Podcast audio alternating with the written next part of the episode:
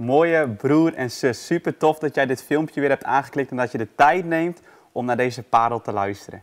Ik heb iets op mijn hart wat ik graag met jullie wil delen, dus ik hoop dat je je aandacht erbij kan houden en dat je mag gaan luisteren naar mijn boodschap die ik voor jullie heb. Een paar jaar geleden, uh, ongeveer in 2018, drie jaar geleden, gingen we met al onze jeugdbands gingen we een weekendje naar Schiermonnikoog. We gingen daar de tijd nemen om elkaar beter te leren kennen, uh, maar ook om in het woord te duiken, om samen God te aanbidden en te dromen over de toekomst. En ik weet nog heel goed, op de zaterdagavond, toen was er een van onze leiders, Doreen, die ging iets delen van wat zij heeft geleerd toen zij een uh, aantal jaar naar Hillsong ging in Australië. En Hillsong is altijd heel erg bezig met visie. Uh, iedereen moet de visie kennen van de kerk en dat uitleven. En op een gegeven moment nam zij ons daarin mee en zei ze: We gaan het hebben over de church that I see. En op die manier gingen we dromen als jeugdbands, als jongeren, over de kerk van de toekomst. En dat was een heel bijzonder moment. En we merkten dat het stroomde, dat we ideeën kregen, dat we openbaringen van God kregen. En er ontstonden prachtige uh, zinnen, uh, met, waar, waar het begon met de Church that I see. En toen kwam er van alles achteraan. Ik wil een aantal dingen voorlezen, want we hebben toen ook destijds opgeschreven.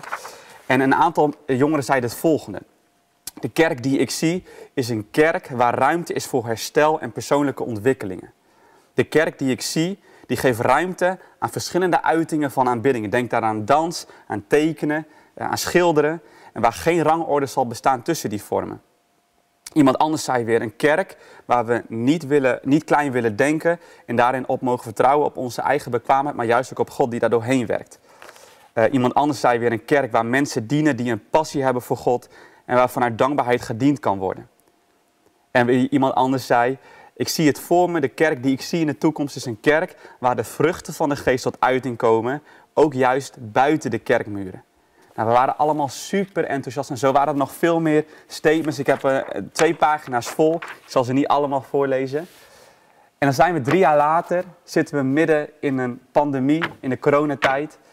En dan kijk ik om me heen en dan zien we dat we voor, de twee, voor tweede jaar op rij Pasen bijvoorbeeld vieren, uh, vorige week, in een lege kerk waar heel weinig mensen zijn. En dat is niet hoe wij destijds hebben gedroomd over de kerk van nu.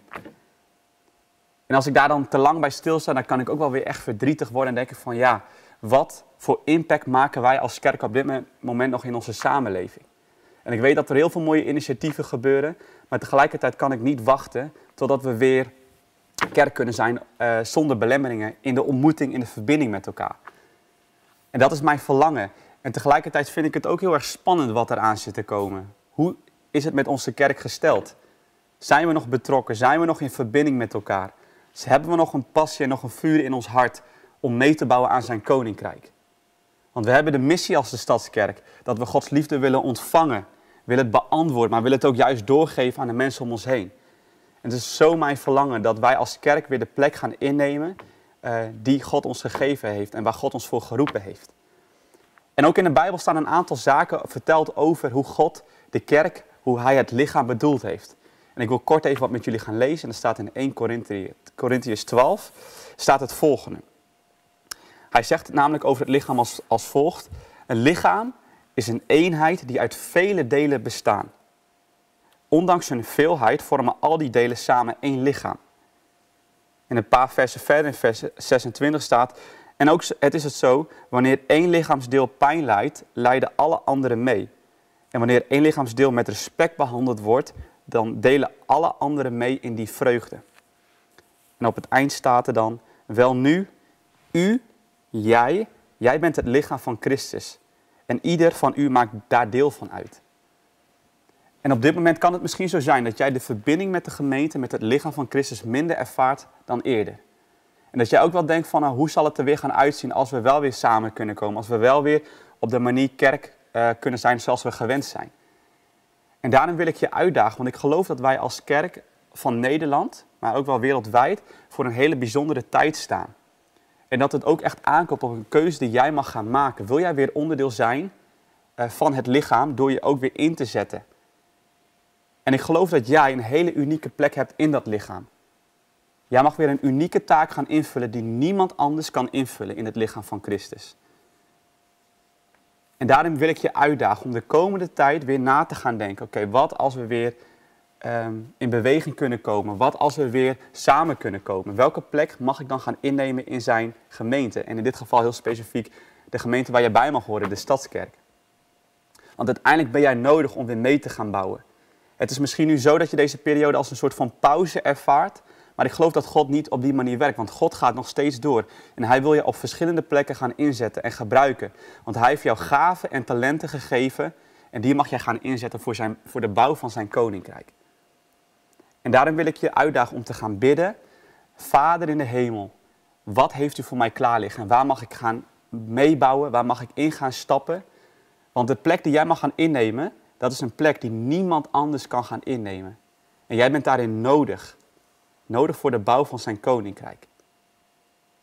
En mijn verlangen is omdat dat wij weer samen gaan bouwen, dat het niet op enkele schouders uh, terecht gaat komen. Maar dat we samen als lichaam van Christus gaan functioneren in gezondheid. En daar is het ook erg belangrijk dat we weten dat we één lichaam zijn. En we hebben allemaal verschillende plek in het lichaam. We hebben ook allemaal een andere functie in het lichaam. En het kan dus zijn dat je een andere functie hebt en dat je met iemand oneens kan zijn over bepaalde dingen. Maar uiteindelijk is het de bedoeling dat je gaat meebouwen aan de eenheid van zijn lichaam. Zodat de wereld gaat zien dat Jezus leeft, ook in het hier en nu. En ook in de dagen die gaan komen. En mijn verlangen is, als de deuren weer open gaan van de kerk, dat het zal bruisen als nooit tevoren.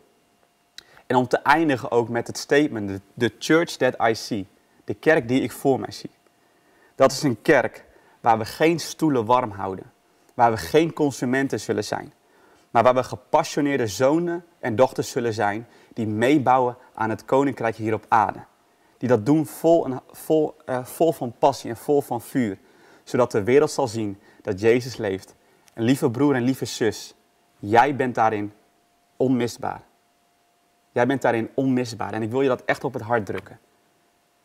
Dat jij nodig bent voor de bouw van zijn koninkrijk. Bid jij mee voor wat jouw plek mag zijn in de komende tijd, in de komende jaren. Want samen zijn wij de kerk van, van, van Jezus. Wij zijn het lichaam van Christus. Niet het gebouw, maar wij als mensen. Wij mogen een beweging zijn die recht gaat brengen op plekken waar gebrokenheid is zodat we samen de naam van Jezus kunnen laten zien in ons, in ons land, in onze stad, in ons gezin, op onze werkplekken, overal waar we stappen zetten. En daarin wil ik je echt de zegen van Jezus meebidden voor vandaag. Dat in de komende dagen, komende weken, komende maanden verlangens weer mogen gaan opborrelen. Zodat jij mee mag gaan bouwen aan het koninkrijk van God hier op aarde. Hoop ik tot heel snel en wees gezegend.